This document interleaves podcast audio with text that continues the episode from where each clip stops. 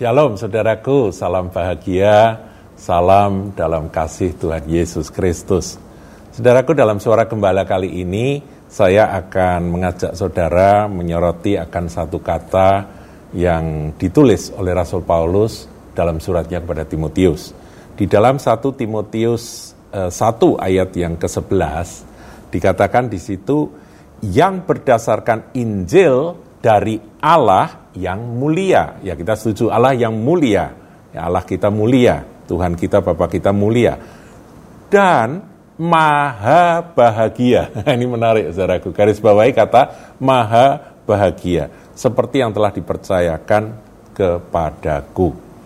Nah saudara, maha bahagia itu diambil dari bahasa uh, Yunani, makarios, ya berbahagia kalau itu dikenakan pada Tuhan, pada Allah, pada pencipta langit dan bumi, ya dia pasti maha bahagia atau bahagianya itu absolut. Nggak bisa diganggu gugat. Jadi Tuhan kita itu Tuhan yang berbahagia loh saudara. nah kita sebagai umatnya, sebagai anak-anaknya kita harus belajar bagaimana kita bisa beroleh kebahagiaan. Bukankah dalam hidup ini yang terpenting adalah kebahagiaan, betul ya? Ada orang mau mencoba berbahagia dengan cara-cara yang mereka pikir kalau mereka mendapatkan itu mereka akan bahagia. Misalnya kekayaan. Orang mengejar kekayaan dan ketika mereka beroleh kekayaan mereka pikir akan bahagia, tapi ternyata tidak. Justru mereka menderita dengan kekayaan itu justru susah. Firman Tuhan dalam 1 Timotius 6 akhir dikatakan malah justru mendatangkan berbagai-bagai duka, itu mengejar harta. Atau mengejar kekuasaan, saudaraku.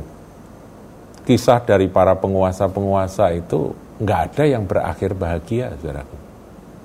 Hampir semuanya itu berakhir dengan kesedihan, penderitaan, dan ketakutan luar biasa. Tapi itulah yang dikejar oleh dunia, saudaraku ya. Ya kekayaan, ya eh, kekuasaan dan juga ada juga yang mengejar hal-hal lain. Dia pikir kalau aku eh, mencapai apa yang aku impi-impikan aku cita-citakan itu pasti aku akan berbahagia. Saudaraku kita akan belajar dari firman Tuhan. Sumber kebahagiaan itu berasal dari dia sang maha bahagia itu. Paham saudaraku ya jadi Tuhan kita tuh maha bahagia. Kalau kita dekat dengan dia, lekat dengan dia, maka kita akan beroleh kebahagiaan. Cuman itu saja. Tuhan Yesus juga pernah berkata bahwa akulah pokok anggur yang benar. Di luar aku kamu nggak bisa berbuat apa-apa. Tapi ketika engkau melekat padaku, maka engkau akan berbuah banyak. Nah buahnya itu salah satunya adalah sukacita, damai sejahtera, kebahagiaan, saudaraku. Jadi kebahagiaan itu hanya ada di dalam Kristus. Ya sekarang bagaimana kita lebih memperjelas dalam praktek kehidupan Kristen ini supaya kita benar-benar menjadi orang yang beroleh kebahagiaan. Kita lihat terlebih dahulu akan siapakah Tuhan kita, siapakah Allah kita ya. Saudaraku di dalam Yohanes 4 bukan Injil Yohanes, tapi 1 Yohanes 4. Jadi surat 1 Yohanes 4 ayat yang ke-7 saya bacakan saudara. Saudara-saudaraku yang kekasih, marilah kita saling mengasihi. Sebab kasih itu berasal dari Allah. Dan setiap orang yang mengasihi lahir dari Allah dan mengenal Allah. Barang siapa tidak mengasihi, ia tidak mengenal Allah sebab Allah adalah kasih. Ya ini diulang-ulang saudaraku. God is love. Jadi Allah itu adalah kasih. Saya menemukan akan satu kebenaran. Mengapa kok Bapak kita itu disebut Tuhan yang maha bahagia? Kenapa Tuhan Yesus itu maha bahagia? Karena dia adalah kasih. Nah, kalau kita hidup di dalam Kristus, kita harus hidup di dalam kasih, ya kan? Nah, ketika kita hidup di dalam kasih, maka kebahagiaan itu akan jadi bagian kita, akan jadi milik kita.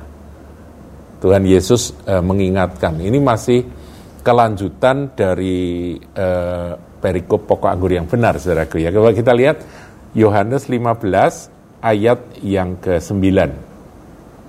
Seperti Bapa telah mengasihi aku, demikian juga aku telah mengasihi kamu. Jadi kita menerima kasih Kristus. Kemudian dilanjutkan dengan kalimat, tinggallah di dalam kasihku itu. Jadi Tuhan itu merindukan, menginginkan kita, umat tebusannya, anak-anaknya, tinggal di dalam kasihnya. Ini kasih Kristus, ini kasih ilahi. Nah kita ini harus tinggal di sana. Tinggal di dalam kasih itu. Nah inilah yang menjadi sumber kebahagiaan sejati. Kita akan benar-benar bahagia. Sebabnya dikatakan kalau saudara baca ayat 11, semuanya itu kukatakan kepada, kepadamu supaya sukacitaku ada di dalam kamu dan sukacitamu menjadi penuh. Jadi kebahagiaan dan sukacitanya Tuhan yang tadi dikatakan maha bahagia itu akan ada di dalam kita. Bahkan menjadi penuh di dalam kita ketika kita tinggal di dalam kasihnya. Karena Allah adalah kasih, Kristus adalah kasih, ya. Roh Kudus adalah roh kasih. Kita tinggal di dalam kasih kasih Tuhan, ya saudaraku ya. Maka kita akan tahu bagaimana kebahagiaan sejati itu kita hidupi, kita nikmati. Bukan dari yang macam-macam.